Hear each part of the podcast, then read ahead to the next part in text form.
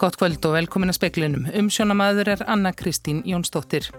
Samdráttur í landsframilegslu voru dæma laus. Hagfræði profesor telur ástandi þó skára en það gæti verið og miklu skipti enga neysla innanlands haldi áfram að örfa hagkerfið. Öllum starfsmönnum herjóls hefur verið sagt upp. Horfur á að halli af rekstri ferjunar verði 400 miljónir króna í ár. Sóttvarnalækni sér fyrir sér að slakað verði á sóttvarnareglum næst þegar þær verða uppfærðar og býst við að senda ráð þeirra slíkar tilugur á næstu dögum. Um 8.000 manns hefur á síðustu 6 mánuðum verið sagt upp í rúmlega 110 hópu uppsögnum. Vinnumálastofnun hefur aldrei tekið við svo mörgum tilkynningum. Öllum 68 starfsmönnum Herjólfs OHF hefur við sagt upp störfum. Þara veru 54 fastaráðanir. Allir starfsmenn fyrirtækisins búa í eigum. Starfsmönnum var tilkynntum uppsagnar og fundi í dag. Guðbjartur Ellert Skúlason er forstjóri Herjólfs. Þetta er, er, er högg og þetta var sásökafull ákvörðu sem var tekinn í gær en hún var óumflíðarlega með að vita ræðstæður og, og þá óvissu sem að við búum við í dag þannig að við þurfum einhvern veginn að ná utanum hana.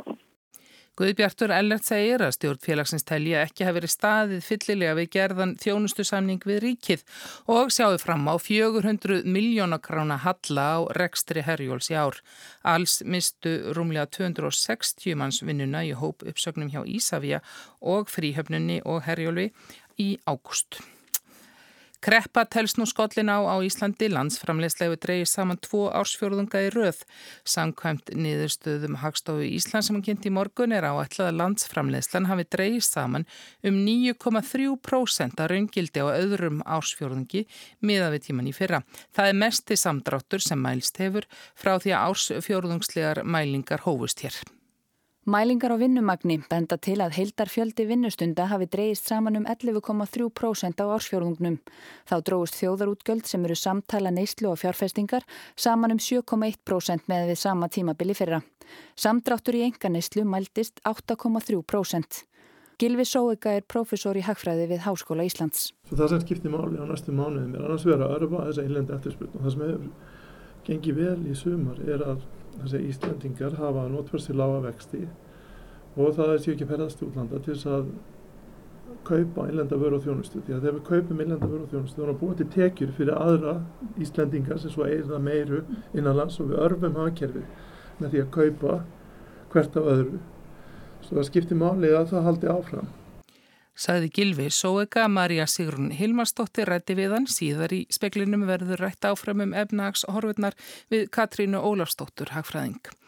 Og verslunarstarfsmenn, vegfarendur og legubílsturi segja að efnashorfna séu dökkar og búast í þungum vetri. Sumir voru þó upplitt stjarfari en aðrir í dag. Jú, það er tölvört miljum færð núna búið að minka mikið síðustu tveim vikum. Þetta er búið að deyja mikið síðustu vikur sko. Tala um bara sem guðdöldar eru tómar bara alla dagar vikunar sko. Mm. Kom gott ról meðan júli, þannig til í meðan ágúst en síðan þá bara hverju vika fer þetta vestlandi sko. Fyrir COVID þá voru túristar svona 90% af viðskiptavinnum okkur. Það segir mikið. Við komumst í kernum þetta held ég, þó að takja árið að tvö. Mm. Já, já, ég held líka bara að séu fullt af tækifærum í svona ástandi sko. Að fullt af hlutum náttúrulega, jú, fullt af hlutum sem fara á hausin en það er líka fullt af nýjum hlutum sem verða til. Mm -hmm. Og vonandi verður bara Reykjavík meiri listaborg aftur. Þetta var orðið algjört svona samsuð af alls konar skemmtilegum svona litlum skrítnum stöðum og annað. Mér finnst það hafa doldið svona, hvað maður að segja, vikið fyrir lundabúðum og öðru síðastliðin tíu ár. Ég er bara að fagna því ef það fyrir að koma aftur. Nú þarf okkar bara frambærlegasta fólk að fara að hugsa um fleiri og fjölbættari leiði til þess að skapa hér störf og tekjur ja. og að muna aftur enn og aftur að setja ekki öll ekkin í sömu körfu. Þannig að þetta reddast, er ekki? Þetta, þetta reddast. Góðan daginn. Góðan dag. Ég hef þetta finn fyrir þessu, bara 90% hrun í starfið mínu og klættist þarna aðeins þegar ferðamann fór svo ferðamann með ferðarþarsku og svo bara hrundi allt saman þannig að það er svona eins og bara þegar kóa byrjaði fyrst það er bara það er bara mjög erfitt að koma sér í vinnuna þannig að þetta verður bara hérna slæmt Hvað finnst þér sjálfri? Ég meina finnst þetta ekki vera alveg bara fokk? Jú Og það var Marja Sigrun Hilmarsdóttir sem tók fólk tali í miðbænum. Þórólfi Guðnarsson sótvarnalækni býst við að senda heilbriðisráð þeirra tilugur að breytingum og sótvarnareglum á næstu dögum. Nú gildandi reglur gilda til 10. september. Þórólfi sér fyrir sér að þá verði slakað á en ekki sé þó víst hvernig tilslakanir verði útferðar. Já, við höfum tekið þetta bara í svona nokkrum stökkum eins og við gerðum núna í vor þegar við vorum með tilslakanir. Við fórum úr eitthvað 100 upp í 200 á, á þeim tíma og, og, og nú við höfum verið aðeins að slaka á tveggjametrareglunni og fært fyrir því rauk uh, akkur við gerum það á sumustöðum nýri 1 metr og svo framvís þannig að uh, eru takmarkanir sem að nú eru í gangi eru náttúrulega fyrst og fremst um þessar fjöldatakmarkanir og svo þessar tveggjametrareglu þannig að þetta er í sjálfsveitsir ekki dvoðlega flókið við þurfum bara að fara hægt held ég. Segir Þórólur Guðnarsson sem fór yfir stöðu faraldur sinns hér á landi á upplýsingafundi almannavarna í dag Hann laði mikla áherslu á að fara hægt í slíkar tilslaganir og að ráðast í þær fyrst innanlands áður en gerðarverða tilslaganir á landamærum. Ekkert nýtt innanlandssmitt koronavirunar greindist í gæri fyrsta sinn í þrjár vikur. Samtals 100 er í einangrun vegna COVID-19, þar af 64 sem greindust innanlands. Þórólfur segir hæpið að Ísland geti orðið veiru frítt. Þó við verðum veiru fríum tíma þá mun hún aftur koma meðan hún er í einhverjum sveiblu ellendis.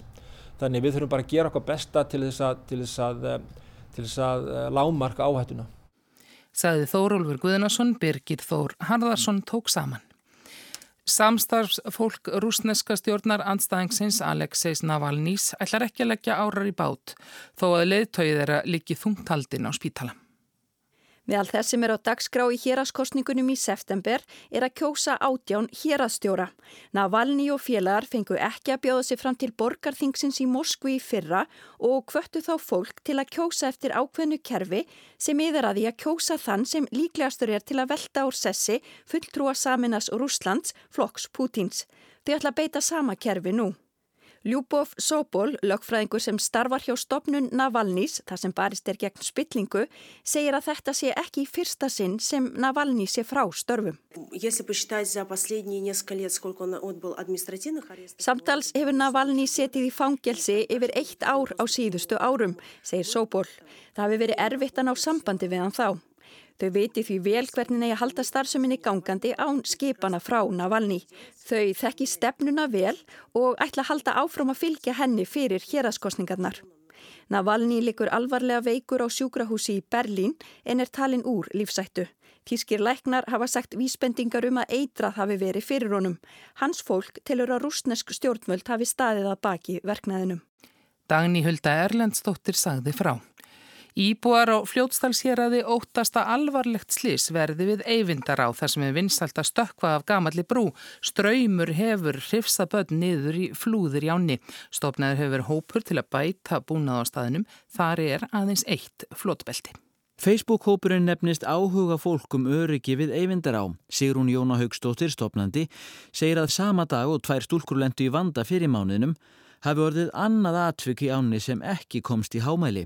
17 ára stúlka stökk til að hjálpa annar yngri en lendi sjálf í vanda. Ströymurinn hrifsar hana og það þurfti bara brú af mönnum út í ána til þess að fiskana upp þessa stúlku sem tókst en þetta var fílalt fólk en, en það var mjög erfitt að ná henni tilbaka.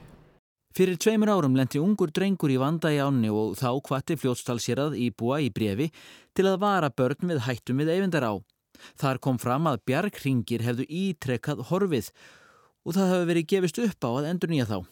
Svo kallað björgvinsbelti var þá sett upp í staðin. Þetta hefur maður fengið að heyra í gegnum árin að það þýð ekkert að setja björgisbúna vegna þess að hann hverfur alltaf. Ég held líka bara leið og þetta komið til okkar í nærsamfélaginu. Þá bara trúið því að þetta fá að vera í friði og ef þetta fer þá bara setjum við þetta aftur. Þetta er ekki, ekki stórar fjárhæðir. Samkvæmt upplýsingum frá fljótstalsérði vill sveitarfélagið leggja fjei í úrbætur. Sigur hún sér fyrir sér að hópurinn takir sig saman um að setja upp búnað og skildi með leðbenningum og jafnvel mætti ráða fólki frá því að stökkva ef of mikið vatn er í áni en það má sjá á vassæðarmæli. Þá mætti sína hvar er hægt að stökkva í ána og hvar ekki. Þótt að við sem búum hérna kannski þekkjum hætturnar þannig að þá eru margir gestir sem koma til okkar að við viljum ekki að, að þarna verði alveg slis saði Sigrun Jóna Högstóttir, Rúnarsnær Reynisson tók saman. Ríkistjórn og aðilar vinnumarkaðarins í Danmörku hafa náð samkommulegi sem á að fækka uppsögnum. Ráðstafanir sem danska stjórnin greip til í vor og líka má að nokkuru við hlutabótaliðin á Íslandi runnu út um helgina og nýja fyrirkommalagið á að koma í staðin. Ætlunin er að draga úr vinnuframlegi staðsfólks eftir því sem verkefnum fyrirtækja fækkar vegna farsóttarinnar. Á móti verði greitar aðtunleysis bætur. Fyrirtæki komist þannig hjá því að fækka starfsfólki.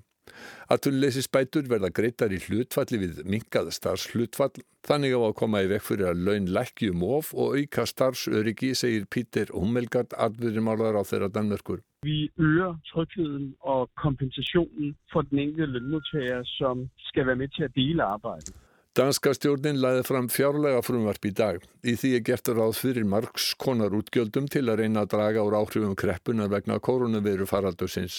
Nikolai Vannmenn, fjármálar á þeirra, sagði að danst efnahagslíf væri á margan hátt veikara en nokkuru sinni frá lokum síðar í heimstyrjaldar. På mange måder så står vi með den mest uh, skröplige økonomiske situation síðan enn verdenskrig. Stjórnjafnaðamann í Danmörku er minni hluta stjórn og þarf því að semja við aðra flokka um fjárlög en vammenn fjármálar að það segir að svo þröngt sé í búi að ekki verði um mikið að semja. Så er það også grænser for hvor meget mere der bliver råd til når vi skal forhandle med de andre partier.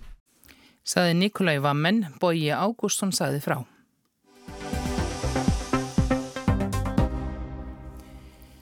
Enga neysla dregst saman, vinnustundum fækkar, samdráttur landsframleyslu var sá mesti í vor sem mælst hefur frá því að farið var að mæla þessum tíma, saði Hagstofan í dag. Samdrátturinn rúmlega 9% og sprettur af áhrifum heimsfaraldurs COVID-19 og aðgerðum sem hefur gripið til, til að spórna gegn útbreyslu farsóttarinnar. Katrín Ólafstóttir, hagfræðingur og lektor við Háskólan í Reykjavík er komin hingað í útashúsið. Velkomin Katrín. Takk fyrir. Þetta teljast nú valla góðtíðindi en má tala um kreppu við þessar aðstæður? Já, ég held að sé óvægt að gera það. Þetta er það mikil samdráttur að við, ég held að sé alveg óvægt að tala um kreppu í þessu sambandi. Þetta er meira heldur við sáum til dæmis 2009, 2008-2009. Og menn tala um það samt að þetta sé þó skára heldur en að hefði getað orðið? Já, þetta hefði getað orðið ennþá vera og við sjáum viða í löndunum kringum okkur er samdráttur á öðrum ásjóðingi meiri heldur en hér á landi Við áttum vona því að hérna yrðan mikill svona í samanbyrðu önnulönd ekki síst vegna þess að ferðarþjónusta er það stór hluti af landsframlegslu hér á landi. Já, þú nefnir auðvitað ferðarþjónustuna því að við erum auðvitað höfum talað mjög mikið um hana en, en hvernig er svona sko ástandið í ímsum öðrum greinum það sjá það nú allir til dæmis að það er ennþá verið að byggja mjög mikið? Það er ennþá verið að byggja og við sjáum til dæmis eh, hjá nú opnbyrra hefur lítið, lítið breyst þannig að það eru svona höggið kom fyrst og fremst á ferðarþjónustuna en síðan er spurning svona hvað gerist eftir sem líður á veturinn. Það er náttúrulega allskins, það eru fyrirtæki sem að þjónusta ferðarþjónustuna Þannig að það hlýtur að vera eh, hart í ári hjá þessum fyrirtækjum. Menn hafa talað svolítið mikið töluð um það í sumar enda líka í ferðarþjónustunni væri sveikalogn og svona innlend ferðalög hefðu gefið meira heldur menn hefðu kannski þorðu að búast við en nú kannski já, fer höggið þetta inn já. Já, ég er ansýr hættum að veturni verða okkur erfiður, allavega svona fram að, fram að jólum að þá held ég að það sé svona það sem að, að næstu mánuður bera, bera í skauti sér. En við erum náttúrulega, tölum alltaf um þetta, þetta er heimsfaraldur, við erum, varum vísa hér til þórólskuðina svona fyrir frétt tímanum þar sem talar um það að það megi búast við því eða og horfur á því að það verði aðeins slakkað á klónni í, í sótvarnaðgerum hér heima en við erum bara ekki alveg alveg í þessu. Nei, nei, þetta er ástand sem að erum bara hreinlega um allan, allan heim þannig að þetta og það er allur, það er heimsbúskapurinn er í, í, er í, í samdrætti, það er engi, engi spurning þannig að það er alls ekkit vest staðan hjá okkur langt í frá. En hversum, já, án þess að við vitum þó hvað, hvernig reglum verður breytt eða hversu mikið verður slakað á, hvað hefur það mikið að segja samt, svona ef við segjum til dæmis að það verði, já, rýmkaðar, svona rýmkað í samkominn banni, hversu margir með að koma saman og annars líkt, er það, er það eitthvað sem skiptir okkur verulegu máli í hagvextunum til dæmis? Það skiptir auðvitað einhverju máli. Það er að segja svona uh, ákveð, hvað segja, auki, auki frelsi í okkar samskiptum. Uh, ég ekki, myndi ekki gera ráð fyrir að ferðarþjónust að tæki við sér hvort sem að það verði losað um hömlur á, á hérna, landamörunum með ekki einfalla vegna þess að óvissan er það mikil að það verður þannig að flesti muni að halda sér höndum næstu mánuði. Og jábel þó að verði, þó að verði hætti hins vegar tvöföldu skimun eða, eða sótkvinni sem þær eru á millið fyrir alla sem koma þá er ekki eins og vist að það myndi döga til. Ég myndi ekki gera ráð fyrir því vegna þess að þeir sem er í löndum þar sem að, að veiran er í uppgangi að það, þeir hópar munu vantarlega veigra sér við að ferðast. Ég myndi, ég myndi ætla það. En við höfum líka heyrt af því það samt að það er ímislegt í gangi. Það er mikil virkn á fastegnamarkaði þannig að það var fall þar í vor svona, eða síðlega vetrar þegar fyrstu aðgerðina svona, og fólk vissi ekki alveg hvað var að gerast. En það hefur verið mjög mikið að gerast í því í sumar. Já, þarna eru að sjá til dæmis áhrifin af vakstalekkun. Hún kemur þar fram og þannig að allavega þær aðgerðir er að skila sér í aukinni, aukinni virkni þar og byggingaframkvæmdir hafa verið fram til þessa í, í töluverðum uppgangi. En hvað með gengið? Krónan hefur lækkað mikið. Krónan hefur lækkað, hún hefur verið að síga svolítið og það er svona ákveðin óvisa varandi framhaldi þar. E, það hefur ekki farið miklu eitthvað inn í verðbólguna enn sem komið er og verðbólguvæntingar hafa haldist við verðbólgumarkmið sem eru mjög goða fréttir og verðbólgan er aðeins komin um 3% núna en, en það er svona ekkert, endla útlut fyrir að fara miklu herra svo framalega sem að gengi takk ekki eitthvað dífu og ég er svo sem á ekkert freka vona á því. En áttu vonað að verði samt, hún haldi áfram að lækka eða bara við séum komin í einhverja, einhverja stöðu sem muni haldast? Ég held hún síðan að komin svona heldur, heldur veik svona með að við það sem væri eðlegt, eðlegt jafnvægi krónunar. En það verður að taka til til þess að það er mjög lítið að gerast á gengismarka akkurat eins og er. En það orðið, er nú orðin það að veika það kalli á einhverja aðgerðir? Ekki eins og komið er myndi að hella, nei. nei. En við sjáum náttúrulega fram á líka að sko afskipti ríkisins á íslenskum eða innlendum markaði verða mjög mikil eða er að, er að fara að verða meiri. Er það ekki heldur en það hafa verið? Jú, jú, og það er náttúrulega, það er ímis, ímis verkefni í gangi hjá ríkistjórninni var, varðandi það stiði við fyrirtæki og heimili og, og það er bara algjörlega nöðsynlegt eins og staðan er. En má þá ekki búast við niðurskorið þar sem kemur þá kannski aðeins svona setna inn, kannski að næsta ári? E, það er náttúrulega gríðalega politísk spurning, hvenar, hvenar verður farið tilbaka. E, það er svona reynslan úr, úr síðustu kreppu bendið til þess að það sé ekki gott að fara á hratt í slíkar aðgerðir. Það sé bara allt í lagi að skulda svolítið. En þessar hérna, aðgerðir að þessi samdráttur, hann er líka sjást í svona bara í, á vinnumarkaðinum sjálfum. Það tala um að séu færri vinnustundir, það hefur líka verið eitthvað um það, sko, það eru, það eru lægra hlutfall fólk sem er starfandi eða er á vinnumarkaði núna. Þannig að það er, er það ekki eitthvað sem að geti verið svona einhverja langtíma breytingar? Það er, við erum að sjá núna, jú, lækkun í atvinnu þáttökur hlutfalli og um, um, já, rétt um, um 2%. Við hefum vilt verið hæst þegar við kemur atvinni þáttöku, við erum það vandalega en þá, en það er ofennlegt að sjá svona mikla breytingar á svona stuttum tíma. Þetta er, er fylgifisku kreppu og við sáum svona uh, svipaðatölur í, í síðustu kreppu, en þetta bendir til þess að þarna sé hópur fólk sem að uh, velur það að, að uh, í rauninni ekki vinna og ekki að leita sér að vinna. Og af hverju og hvað gerir það? Er það fólk að hverfa til náms eða er það bara hægt að leta sér að vinna og bara svona að þreja þorran einhvern veginn? Maður... Ég vantarlega eitthvað sambland af þessu. Einhver er að fara í nám, einhver er að bara ætla að vera heima, einhver er kannski ætla að búa sér til aðtunutækifæri en uh, allavega og einhver sem bara reynilega telja ekki þess virði að leita sér vinnu eins og það að fá störfa að hafa. Mm. Það er líka svona annar ángjásu, það hefur verið hérna, íslensku vinnumarkaði hefur hlutfall erlendra starfsmanna verið orðin mjög hátt eða tiltölu hátt og hefur vaksið ógs mjög skart á undanfjörnum áratug. E, núna fluttu fleiri frá landinu, fleiri útlendingar frá landinu en til þess á síðasta ásfjörðingi. Já, það er þróin sem við hefum ekki séð mjög lengi. E, það er bara mörg síðustu ár hefur alltaf fjölgað hér útlendingum á vinnumarkaði eða í, samfélaginu. Og þeim er að fækka núna í fyrsta sinn á öðrum ásfjörðingi og en ellendir ríkisborgar er líka tölvert hátt hlutvall þeirra sem er atvinnuleysir Þannig að þetta eru svona tölur sem við munum kannski og eftir að sjá aðeins ekki endanlega því að líka tala um það að margir sem bara hafa komið því sér hér fyrir og er búin að vera hérna mörg ár sjá ekki endilega sér betra ástand heima fyrir. Nei, þetta er náttúrulega munun frá því síðustu kreppu það sem að voru aðdunutaki til dæmis í Núri það sem innamenn fóru þangað í stónu stíl að núna er bara sama staðan allstar og það er ekkert endilega sér betra aðdun ástand eitthvað staðar í, í löndunum kringum okkur. En áttu vona því, ég meina, er hægt eitthvað að spá, menn tala um það, þetta veldur auðvitað alltaf á því hvernig farsóttin, eh, hvernig henni vindur áfram. Er eitthvað hægt að segja til um það hversu lengi þetta samdráttar skeið eða þetta kreppa ástand mun var? Það varir, uh, já ég held að kannski svona þriði ásfjörðungum mun vera betri heldur en annar ásfjörðungur en ég held að við munum ekki sjá svona stöðan hagvöxt fyrir en þessari óvissu líkur. Það er eiginlega óvissan sem er að fara vest með okkur núna, það er erfitt að fara stað í verkefni, erfitt að fara í fjárfestingaverkefni með þú veist ekki hvenar þú getur átt vonaði að, að markarna takki við sér að nýju. Við herðum hér að það hefur verið alltaf mjög mikið um uppsagnir og aðtunuleysi áttu vonaði að svo þróun haldist á, haldið áfram. Ég rekna eða já, fastlega vona á því að aðtunuleysi muni aukast e, eftir því sem liður á haustið og Sælabankin til dæmis spáir 10% aðtunuleysi um, um áramót sem að ég held að sé bara næri lagi. Já, þannig að það er svona þungur vetur framöndan. Það er þungur vetur framöndan og við erum líka að sjá að það eru fleiri konur heldur en karlar að missa vinnuna. Þannig að þetta er líka svona kynniðavingill á þessari, þessari kreppu. E, þar hafa mennstundin talað um það þegar grip er svona til átagsverkefna hálfu hins og ofinbera þá sé það oft meira í karlægum greinum. Það hefur verið svona sögulega þannig að núna er náttúrulega bara nöðsilegt að hugsa svolítið út í kassan og finna nýja leðir.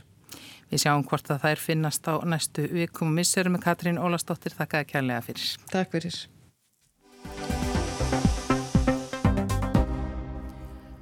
Frá því í mars á þessu ári hefur næri 8.000 manns verið sagt upp í rúmlega 110 hópuppsögnum. Það er talsett fleiri en sagt var upp í hópuppsögnum í bankarrauninu og fjöldi hópuppsagna nú er sá mesti sem vinnumálastofnun hefur tekið á móti. Um síðustu mánuðamótu mældist heildar atvinnleysi hér 8,8%. Þá eru teknið með þeir sem voru atvinnleysir að hluta eða fjallundir hlutabóta úrræðið. Þá höfðu borist frá því mars 110 tilkynningar um hópuppsagnir sem náðu til 7700 launamanna. Þrjár tilkynningar höfðu í dag borist um hópuppsagnir sem náðu til 260 manns. Fyrirtækjum ber skilda til að tilkynna hópuppsagnir að gefnum ákveðnum skilirðum. Í fyrsta lagi ef tíu eða fleirum er sagt upp í fyrirtækjum sem hafa 20 til 100 starfsmenn. Í öðru lagi ef að minnstakosti 10% starfsmanna er sagt upp í fyrirtækjum sem eru með 100 til 300 starfsmenn. Og loks ef að minnstakosti 30 er sagt upp hjá fyrirtækjum með 300 og fleiri starfsmenn. Í hrununu 2008 var um 5.000 manns sagt upp í hópuppsóknum og árið eftir tæplega 1800 manns.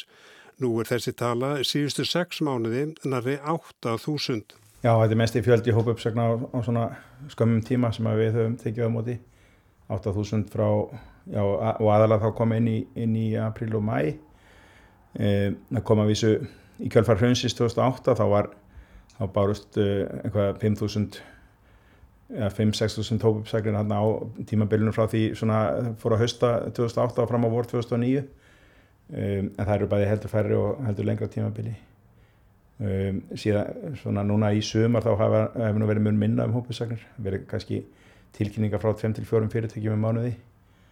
Uh, við höfum áhugir af því að því munum kannski fjölga eitthvað núna á haustmánuðum en það tengist tengist töluvert hvaða aðgerða verið greipið til til svona stöðningsfyrirtækjum og einstaklingum. Segir Karl Sigursson, sérfræðingur hjá Vinnumálarstofnun, en er eftir að bera saman uppsagnir í hrununu og núna. Náðu uppsagnir þá til allt annara atvinnugreina en núna vegna COVID. Já, það má segja það, þetta er tölvert eh, eðlis ólíkt eh, núna og, og, og, og í hruninu. Svona hvað var þar, hvað hvað atvinnugreina verða fyrir, mest fyrir barðun á þessu, það þá voru þetta fyrst og fremst fyrirtæki byggingariðnaði og fjármálageranum að einhverju marki líka í svo sem í, í ferðarþjónustu, flugfélög voru að segja svolítið upp. En núna er þetta, þetta langmennstu leiti bundi við ferðarþjónustu, uh, bæði, bæði sko, og þetta e, einn stór hóp uppsoknum, 2000 manns á flugulegðum, þetta hefur, setur mikið strík í reikningin þarna, en, en einnig bara frá ymsum hótelkeðjum, rúti fyrirtækjum, ferðarþjónustæðalum ymsum sem eru með, með já, bara allra handa, allra handa ferðarþjónustu fyrirtæki. Eins og staðinu nú er erfitt að spá fyrrum hver lengi aturleysið mun vara og hver djúb kreppan verður. Nei, menn voru nú að vonast til þessi voru að þetta er því frekar snarp, snarpur samböldur sem gengir tilbaka kannski á nokkru mánuðum. Ég held að menn séu nú ekki eins björnsinni með það lengur. Það er, það verðist alltaf tegja stór þessari kreppu og þessi, svona, þessi vandamálu sem tengjast, tengjast COVID-verunni. Um, þannig að menn eru svona almennt held ég að búið sér undir frekar svona erfiðan vetur einhvern kannski hvað snerti færa þjónustu en einnig bara ímsa, ímsa þjónustu starf sem einanlands og verslun og, og samkómahald og slíkt. Þannig að við gerum ráð fyrir að atvinnuleysi muni vaksa hægt og bítandi fram á vetur og vera kannski svona 10-30% í desember til februar en eh, við gerum auðvitað ja, vonumst til þess að það fari nú að, að rætast úr heldur þá þá fari aftur að, aftur að lifna almennt yfir efnarslífinu og, vinum, og stöðun á vinnumarkaðin. Vinnumálastofnun hefur spáð því að í loku þessa ási verði atvinnleysum 10% og jafnvel 11%. 10% þýðað um 23.000 manns verða án atvinnu og 11% um 25.000. Þessi myndi gæti breyst og fer eftir því til hvaða aðgerða verður gripið.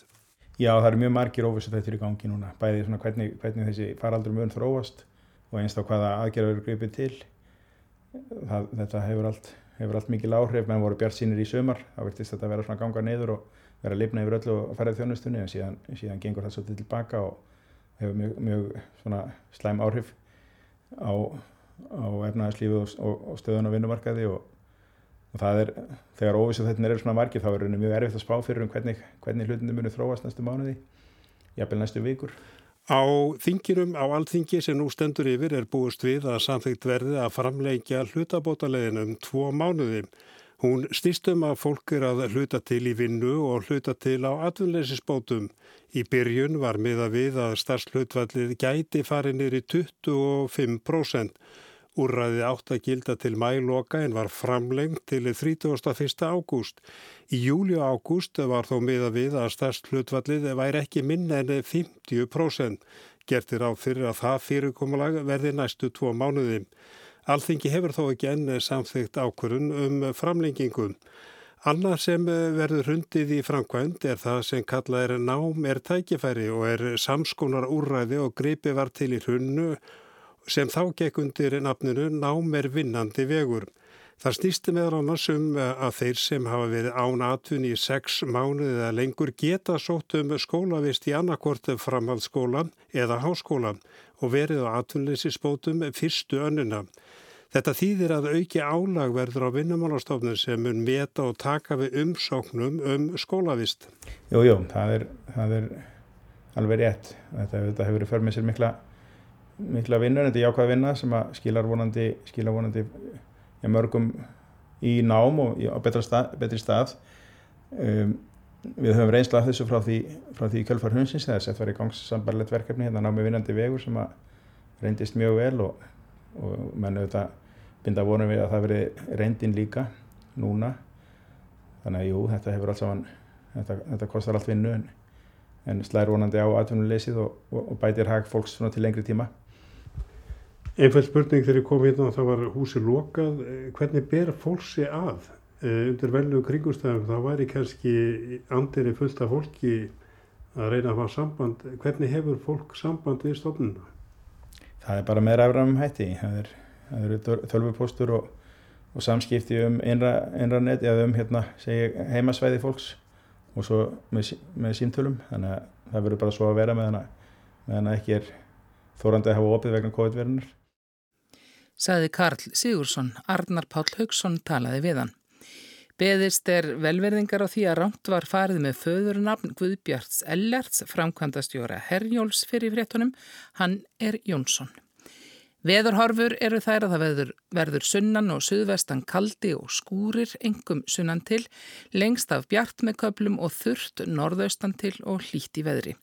En það var helst í speklunum að samdráttur í landsframlýslu vorir dæmalauðs, hagfræði profesor telur ástandi þó skára en það gæti verið miklu skipti að enga neistla innanlands haldi áfram að örfa hagkerfið. Öllum starfsmönnum Herjóls hefur verið sagt upp það er horfur á að halli af rekstri ferjunar verði 400 miljónir króna í ár.